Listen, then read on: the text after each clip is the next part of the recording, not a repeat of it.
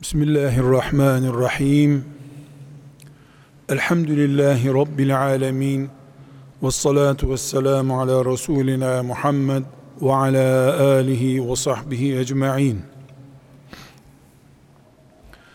Değerli mümin kardeşlerim, bugün gecenin yarısından bu saate kadar hiçbir yememek, yemek yememiş aç iki insanın birisi oruçlu diğeri de aynı şartlarda bu saate kadar yemek yemeden geldiği halde sadece aç insan olabilir. Aç ile oruçlu arasında açlık bakımından insan tipi bakımından iradesini kullanıp aç kalmak ve yemek yememek bakımından hiçbir fark bulunmadığı halde birisi için oruçlu diğeri için de aç adını kullanıyoruz. İkisi de Müslümandır. İkisi de dolabında mutfağında yiyecek bulunduğu halde yememişlerdir. Birine oruçlu Müslüman, diğerine de aç Müslüman adını veriyoruz. Çünkü oruç aç kalmamanın adı değildir. Oruç Allah için yemek yememeye karar vermenin adıdır. Sabah uykusundan uyandığında yüzünü yıkayan, elini kolunu yıkayan bir insanla abdest alırken elini yüzünü yıkayan, kolunu yıkayan, ayaklarını yıkayan insan arasında da esasen bir fark yoktur. İkisi de lavabonun başında yüzünü yıkamaktadır. Ama biri yüzünü yıkıyor, diğeri de yüzünü yıkadığı halde yaptığı işe abdest diyoruz. İkisinin de Müslümanlığıyla ilgili değildir bu. Müslüman insan da yüzünü yıkar ama abdest almamış olabilir. Çünkü abdest almakla yüzünü yıkamak arasında sadece Allah için abdest ibadetini yapmaya karar vermek veya yüzünü yıkamaya karar vermek farkı vardır. Bir insanı Allah'a yaklaştıran şey aç kalmak değildir. Yüzünü yıkamak değildir. Eğilip kalkıp ruku yapmak, secde yapmak değildir. Allah için ibadet yapmaya karar vermektir. Buna biz niyet diyoruz. Sahur vaktinde niyet ederek aç kalan insanın tuttuğu şey oruçtur. Niyet etmeden sahur vaktinden ömrünün sonuna kadar aç kalmış olsa insan onun adı aç insan olarak kalır. Oruçlu insan hiçbir zaman olmaz. Çünkü oruç ibadettir. İbadeti ibadet yapan niyettir. Sadakada, namazda, bütün ibadetlerde geçerli olan kural budur. Duş yapmakla gusül yapmak arasındaki fark da budur. Her ikisi de banyoda veya sahilde, havuzda, su kenarında yapılır. Biri gusüldür, Allah için ibadet niyetiyle yapılır. Diğeri duş almaktır, banyo yapmaktır. Müslüman Allah'tan bir karşılık, sevap bekleyerek bir iş yapmış olmak için bunu niyetlenerek yapmış olması gerekir. Çok basit anlayacağımız bir örnek vermek istiyorum. Bir Müslüman filanca Müslüman kardeşine bin lira borç vermiş olsun.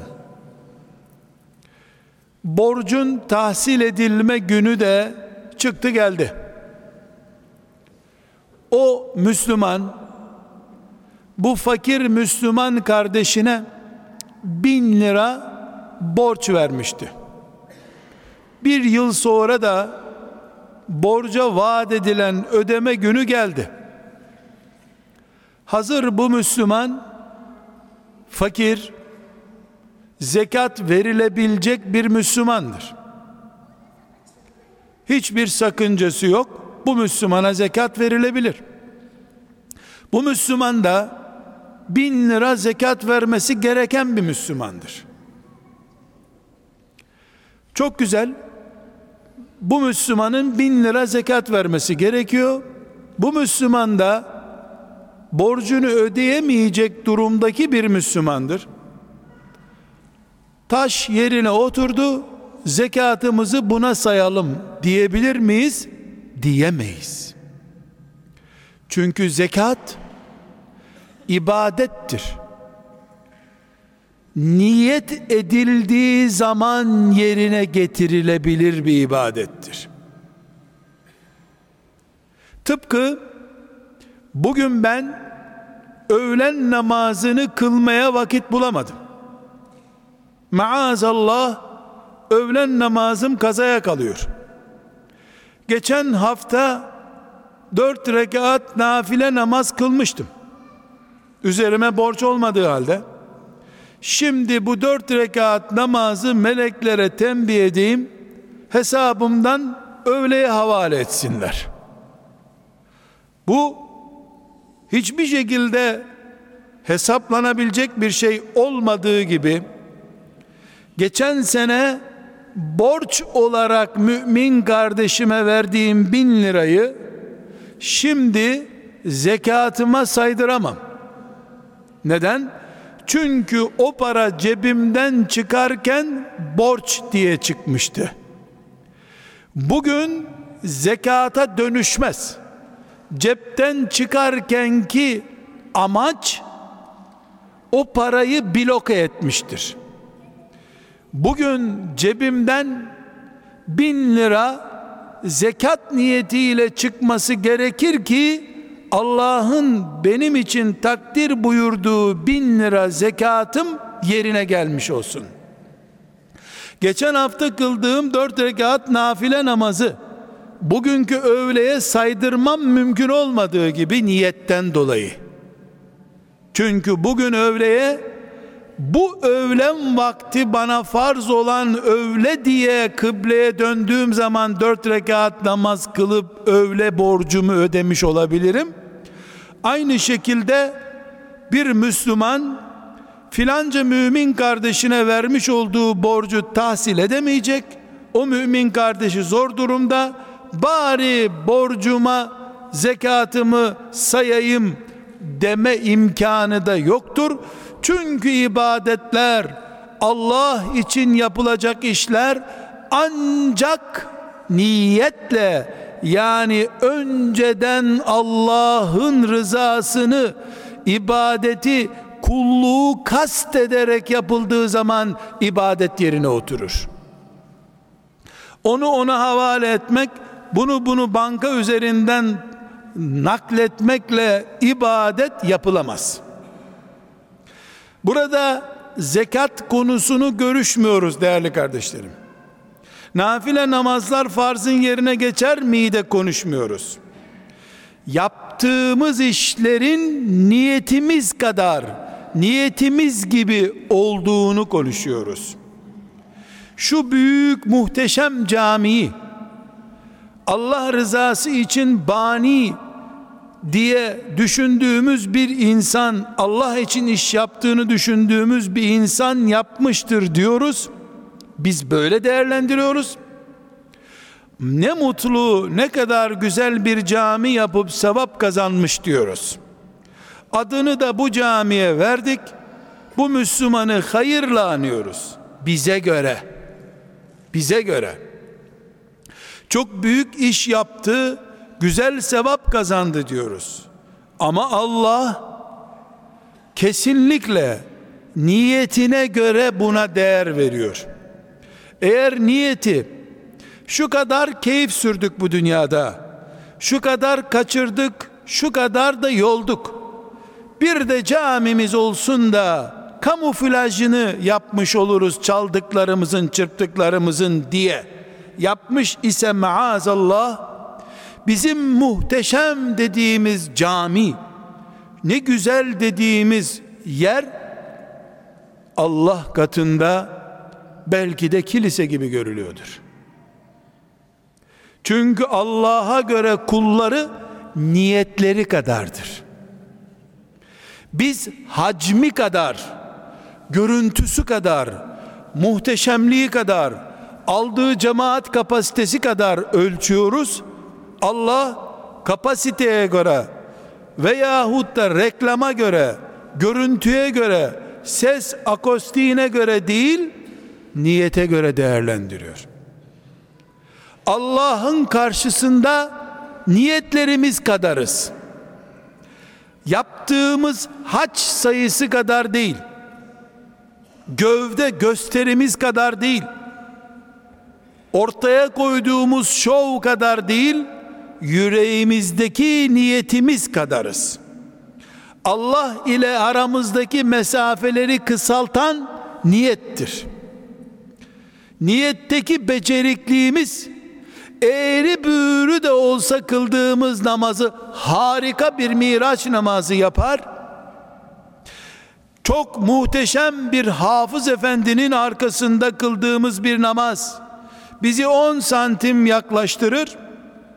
Zoraki bir Fatiha okuyan ama yüreği pırpır edip neredeyse ruhunu Azrail'e teslim edecek kadar heyecanla namaz kıldıran bir imam efendinin arkasında da kıldığımız namaz Allah ile aramızda hiçbir mesafe bırakmaz.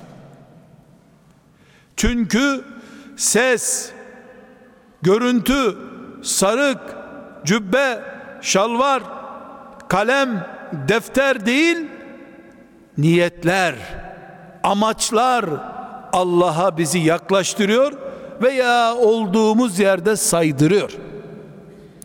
Çok dikkatinizi çekecek bir örneği Resulullah sallallahu aleyhi ve sellem Efendimizin lisanından aktarmak istiyorum. Peygamber aleyhisselam Efendimiz bir sadaka üzerinden örnek veriyor. Biz bunu sadakaya, namaza, ibadete, sosyal ilişkilerimize, ebeveyn ilişkilerimize örneklendirebiliriz. Bu hadisi şerif sadaka üzerinden konuşuyor ama babasının hastanedeki hastalığı ile hastane koridorunda ilgilendiren iki evlada da örnek olarak bunu uygulayabiliriz. Yaşlı bir baba hastanede sıra bekliyordur. Muayene olacak, tedavi olacaktır iki erkek çocuğu veya kız çocuğu da orada bekliyorlardır. İkisi de görünürde hasta babalarını muayene etmek için sıra bekliyordur. İkisi de heyecanlıdır. İkisi de ah babam vah babam eyvah babam diyordur. İkisi de ne olursun doktor bey diyordur.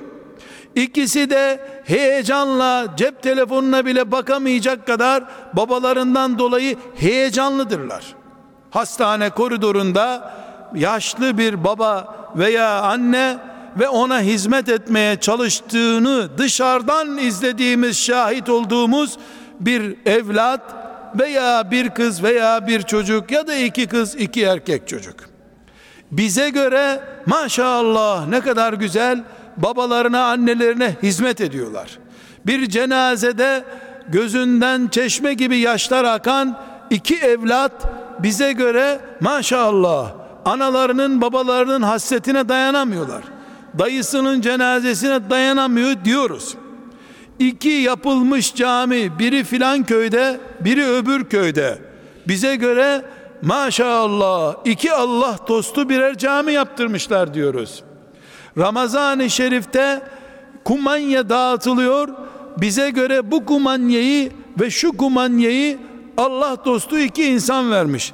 Birisinde yarım kilo un var, öbüründe şu kadar değerli gıda maddesi var. Biz değerlendirirken koli ile hesaplıyor olabiliriz. Kilo ile hesaplıyor olabiliriz. Matematiksel değerlendirme yapabiliriz. Bu koli 80 liralık, bu koli de 800 liralık diyebiliriz. Bu cami 100 kişi alıyor diyebiliriz. Bu cami 1000 kişi alıyor diyebiliriz. Bu çocuğa bak babasının peşinden ayrılmıyor. Babasını kucağında taşıyor. Ne vefalı evlat diyebiliriz. Bu çocuk da babasının yanında iki saat durdu işine gitti diyor olabiliriz. Biz gözle değerlendiriyoruz. Kulakla değerlendiriyoruz beş duyu organımıza mahkum değerlendirme fırsatlarımız var bizim. Allah Allah sadece ve sadece yüreklerdeki amaçlara göre kullarını değerlendiriyor.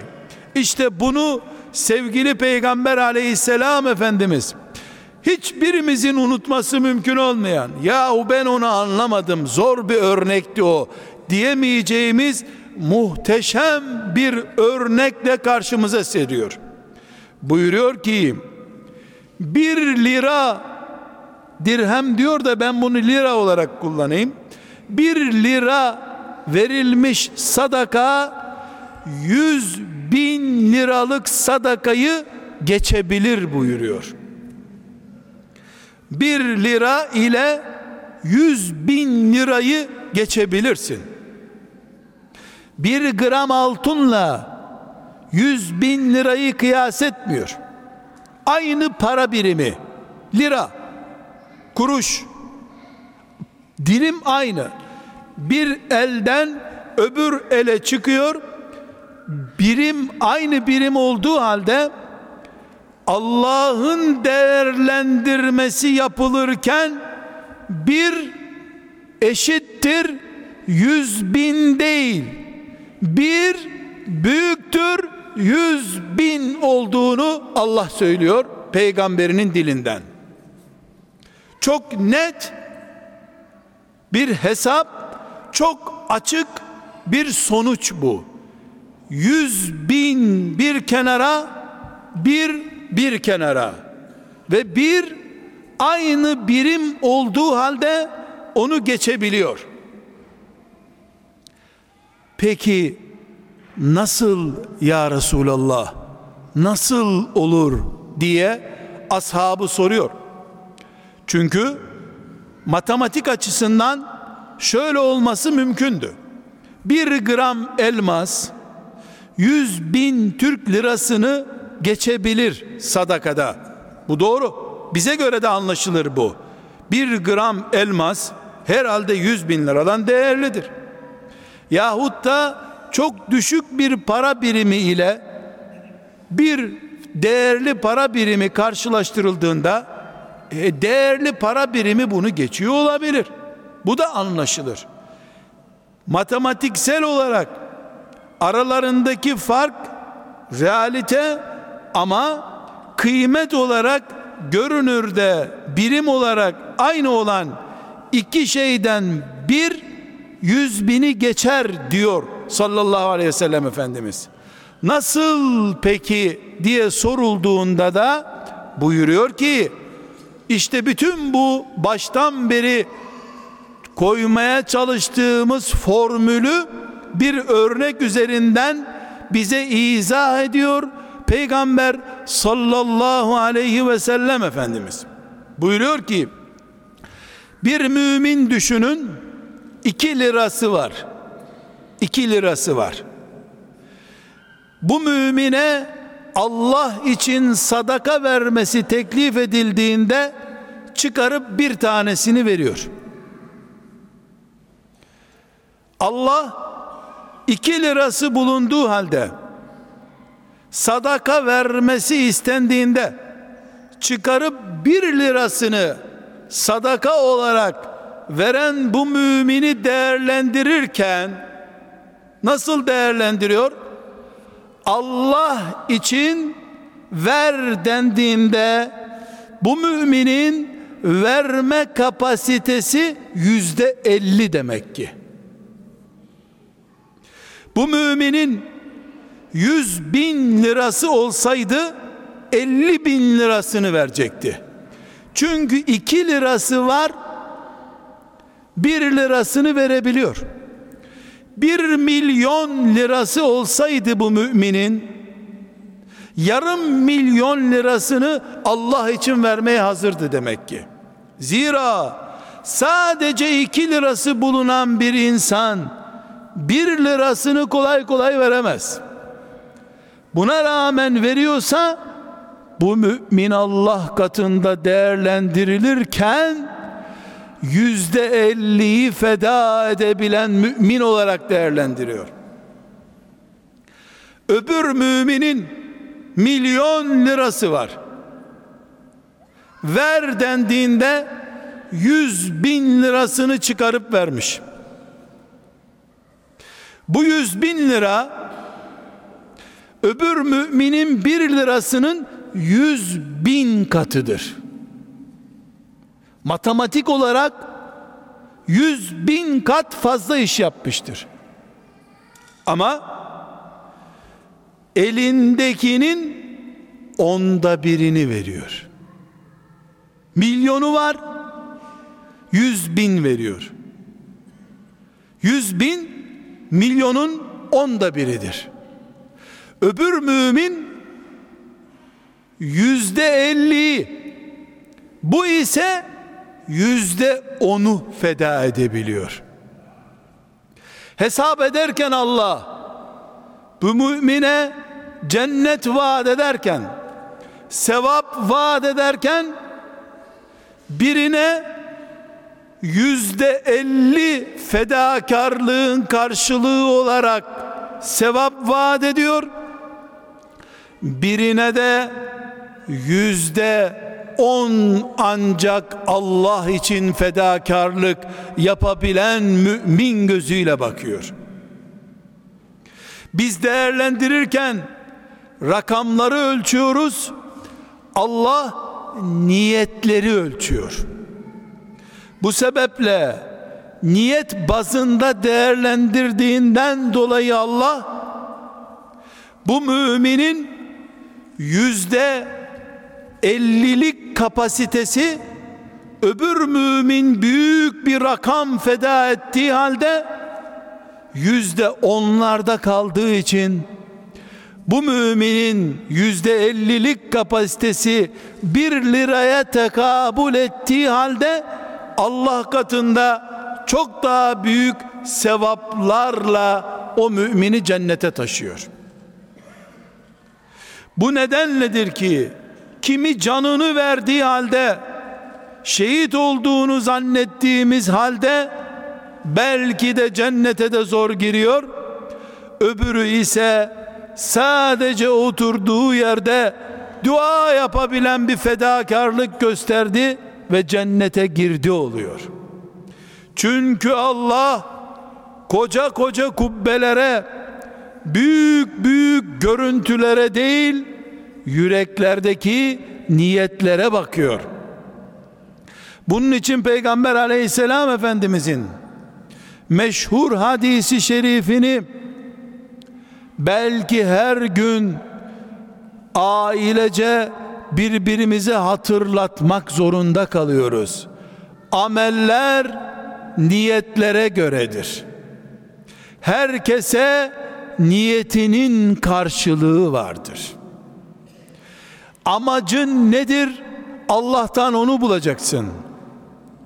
Allah'ın senin karşına çıkaracağı şey yaptıklarındaki amacın, niyetin olacak. Büyük niyetli insanlar küçük işler becerebilmiş olsalar bile Allah'tan büyük sonuçlar bulacaklar. Koca koca işler becerdiğini zannettiklerimiz de aslında küçük amaçlı, küçük kafalı, küçük düşünceli insanlar oldukları için biz onları kıyamet günü cennetin baş köşesinin sahipleri zannederken esasen basit kafalı oldukları için bizim basit zannettiğimiz insanlardan daha küçük seviyelerde kalabilecekler kıyamet gününde. Bu sebeple değerli kardeşlerim Allah'tan istememiz gereken ya da istememiz uygun düşen en büyük dua büyük kafalı adamlar büyük kafalı kadınlar büyük düşünceli çocukların anneleri babaları olma arzusu olmalıdır. Çocuklarımızı büyük amaçlar için yetiştiririz onlar küçük iş becermiş olurlar ama biz dirilirken büyük projelere feda edilmiş büyük işler yapmaları için yetiştirilmiş çocukların anneleri babaları olarak diriliriz Allah'ın izniyle. Çünkü Allah nereyi kazandırdığımıza göre değil çocuklarımızı ne kazandırmak için büyüttüğümüze göre bize muamele yapacaktır. Muttaki, namaz kılan, zekat veren, cihad eden, çocuk yetiştirmeyi amaçlayıp bu fedakarlığı da yaptığımızı meleklere gösterdiğimiz zaman tekrar ediyorum. Allah'tan korkan namaz kılan oruç tutan zekat veren haram yemeyen çocuklar yetiştirmek için beynimizi hazırlar. Bunun gerekli işlerini de yaparsak öyle düşünüp öbür türlü yapanlardan olmazsak böyle çocukların anneleri babaları olmayı istediğimizi meleklere ispat eder de çocuklarımız meyhaneden çıkmayan çocuklar olurlarsa maazallah biz kesinlikle kaybedenlerden olmayız. Çünkü Allah yetiştirdiğimiz çocuklara göre değil yetiştirmeyi planladığımız hayal ettiğimiz gayret ettiğimiz çocuklara göre bizi değerlendirecektir. Biz böyle yaparsak sayılı kafirlerden birini yetiştirdiği halde sonunda kaybetmeyen Nuh aleyhisselam gibi oluruz. Babası yüzünden kaybetmeyen İbrahim aleyhisselam gibi oluruz.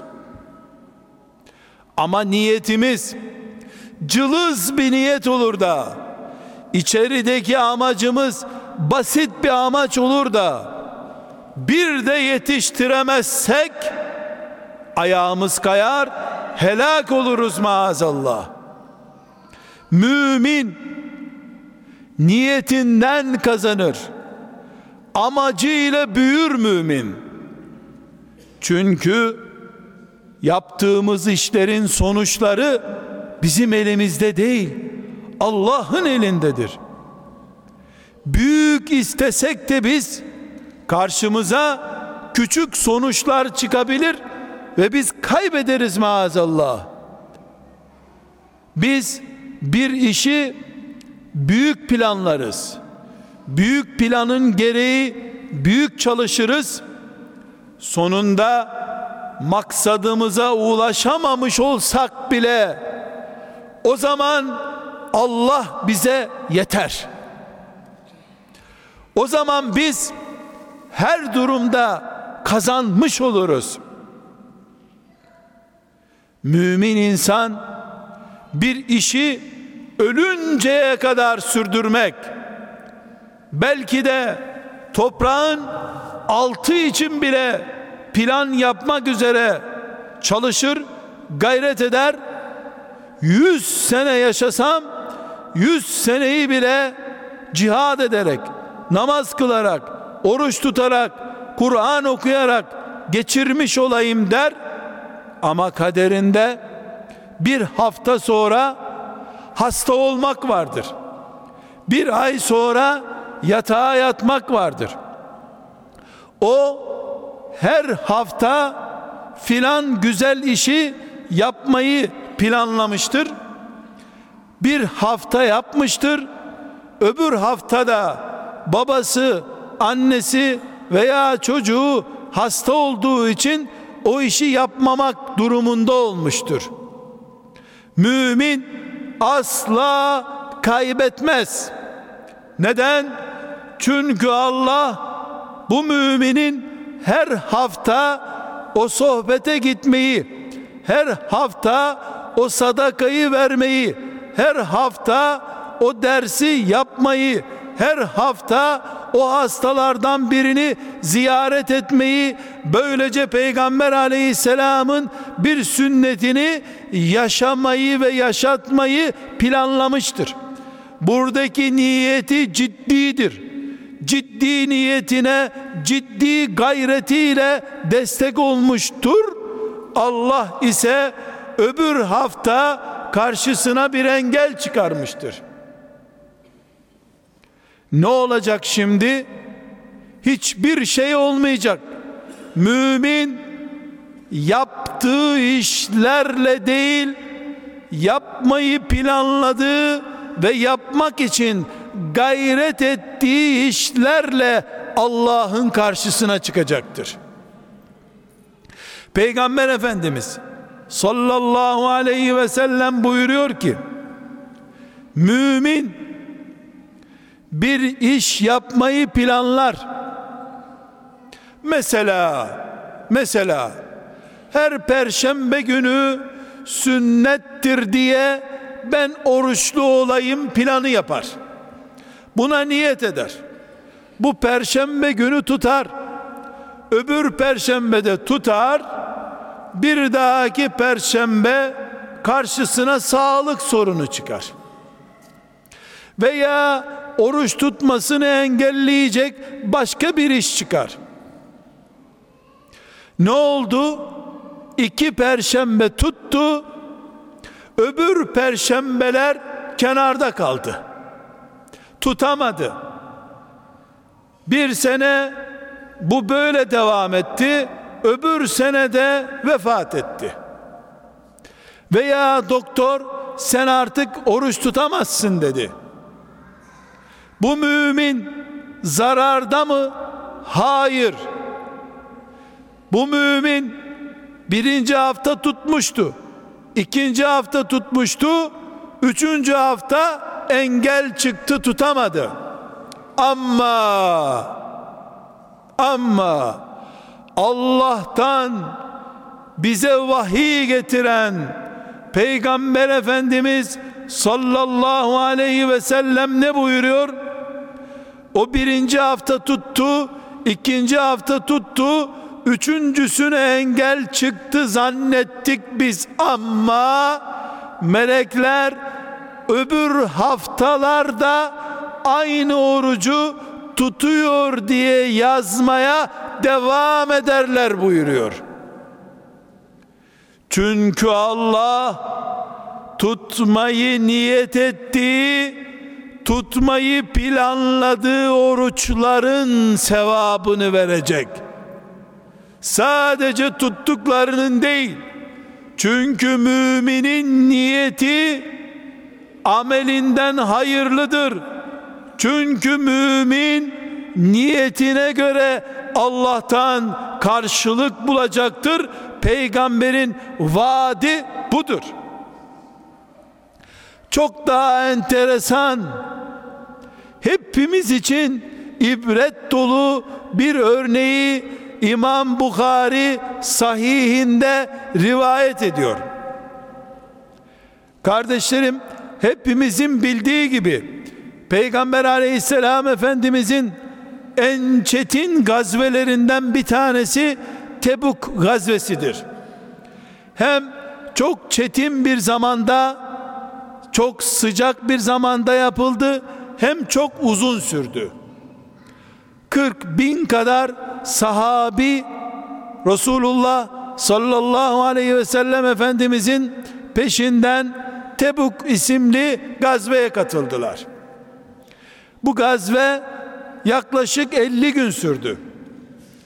Ashab-ı kiram çok zor şartlarda aç ve çok büyük bir sıcaklık şartları altında bu gazveye katıldılar.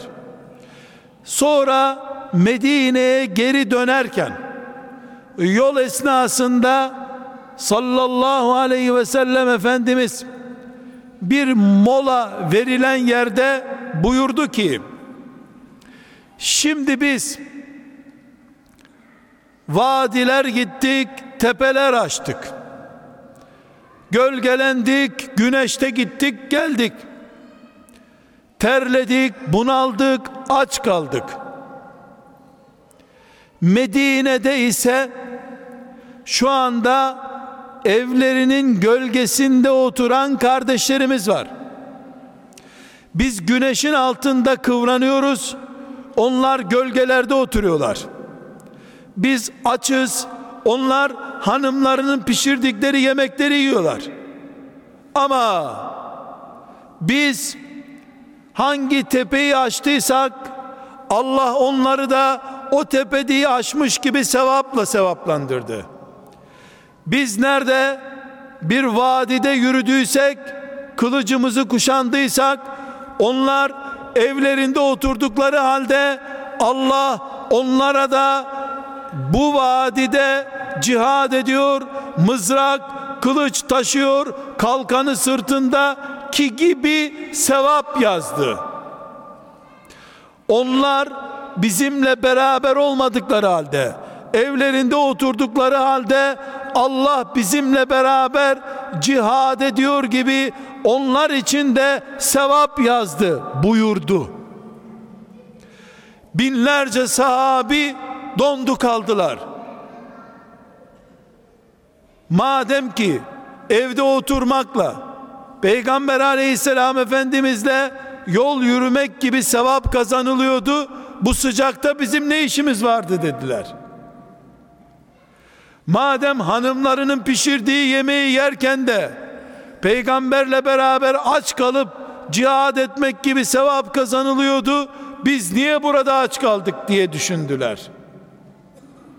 Sonra formülü açıkladı sallallahu aleyhi ve sellem Efendimiz. Allah biliyordu ki onlar bizimle beraber gelmeye hazırdılar, niyetliydiler. Meşru engelleri, özürleri bulunduğu için bizimle gelmediler. Allah onlara engel çıkarmasaydı onlar bizimle gelmeye hazırdılar.'' Allah değerlendirirken yapılana göre değil niyete göre değerlendiriyor.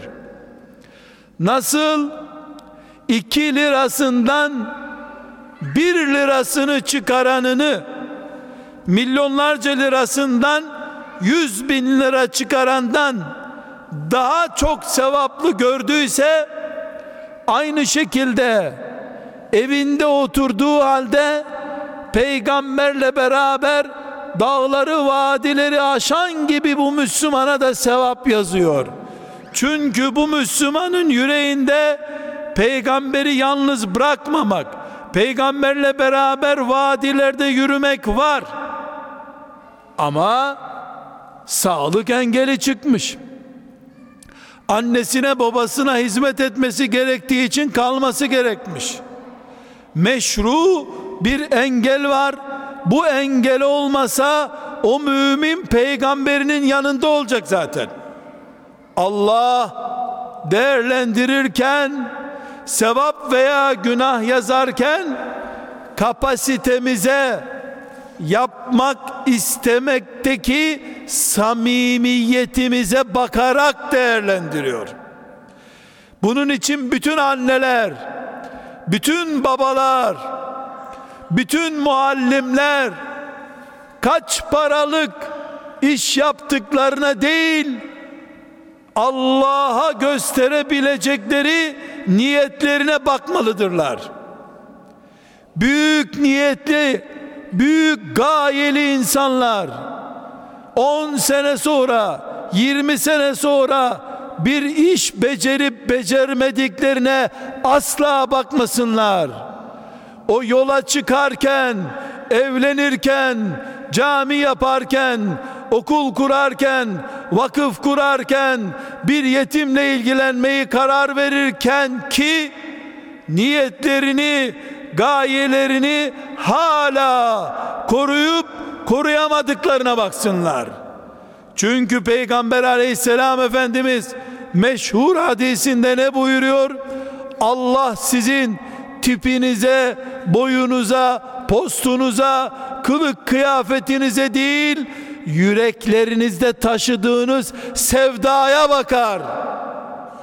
Evlenirken ümmeti Muhammed'e nesil yetiştirmek için yola çıkan, nikah kıyan kadın ve erkek 50 sene sonra mihrapları dolduran evlat yetiştirip yetiştirmediklerine değil 50 sene sonra aynı sevdayı yüreklerinde taşıyıp taşımadıklarına bakmalıdırlar. İlk yola çıkarken ilk defa kalem ve defteri eline aldığında Allah'ı, dinini, peygamberini öğrenmek için yola çıktın. 10 sene geçti hala sen Bakara suresini öğrenemedin diye endişelenme. O merak, o heyecan hala içinde mi senin? Saçın sakalın ağardığı halde hala sen Enes İbni Malik olmak sevdası taşıyor musun? Ona bak sen.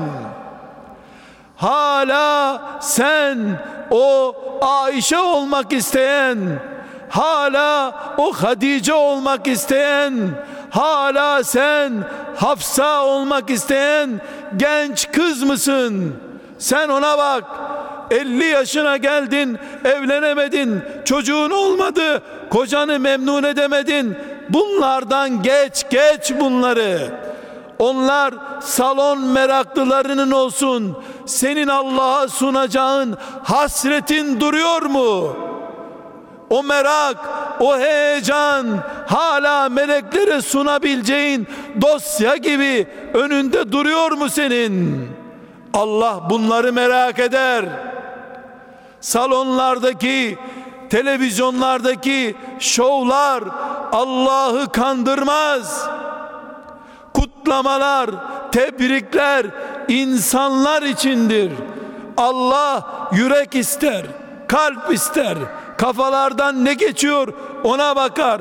Beynin tertemiz, berrak bir şekilde o çocukluktaki o yedi yaşında seccadeye geçip anneni taklit ederek babanı taklit ederek yarı bilerek, yarı bilmeden Fatiha okuduğun namazlardaki Rabbim beni, babamı, annemi cennetine koy derken ki ürpek dilindeki heyecan, 7 yaşındaki namaz sevgin 70 yaşında duruyor mu?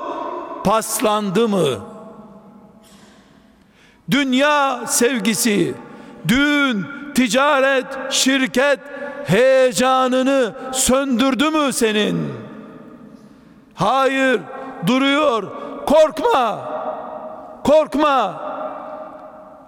Sen Allah'ın nazargahı olan o kalbin sahibiyken kazandın. Kazandın. Camiler yapmamış olsan bile kazandın sen. Neyi kazandın? Allah'ı kazandın. Cennet de senin, dünya da senin o zaman.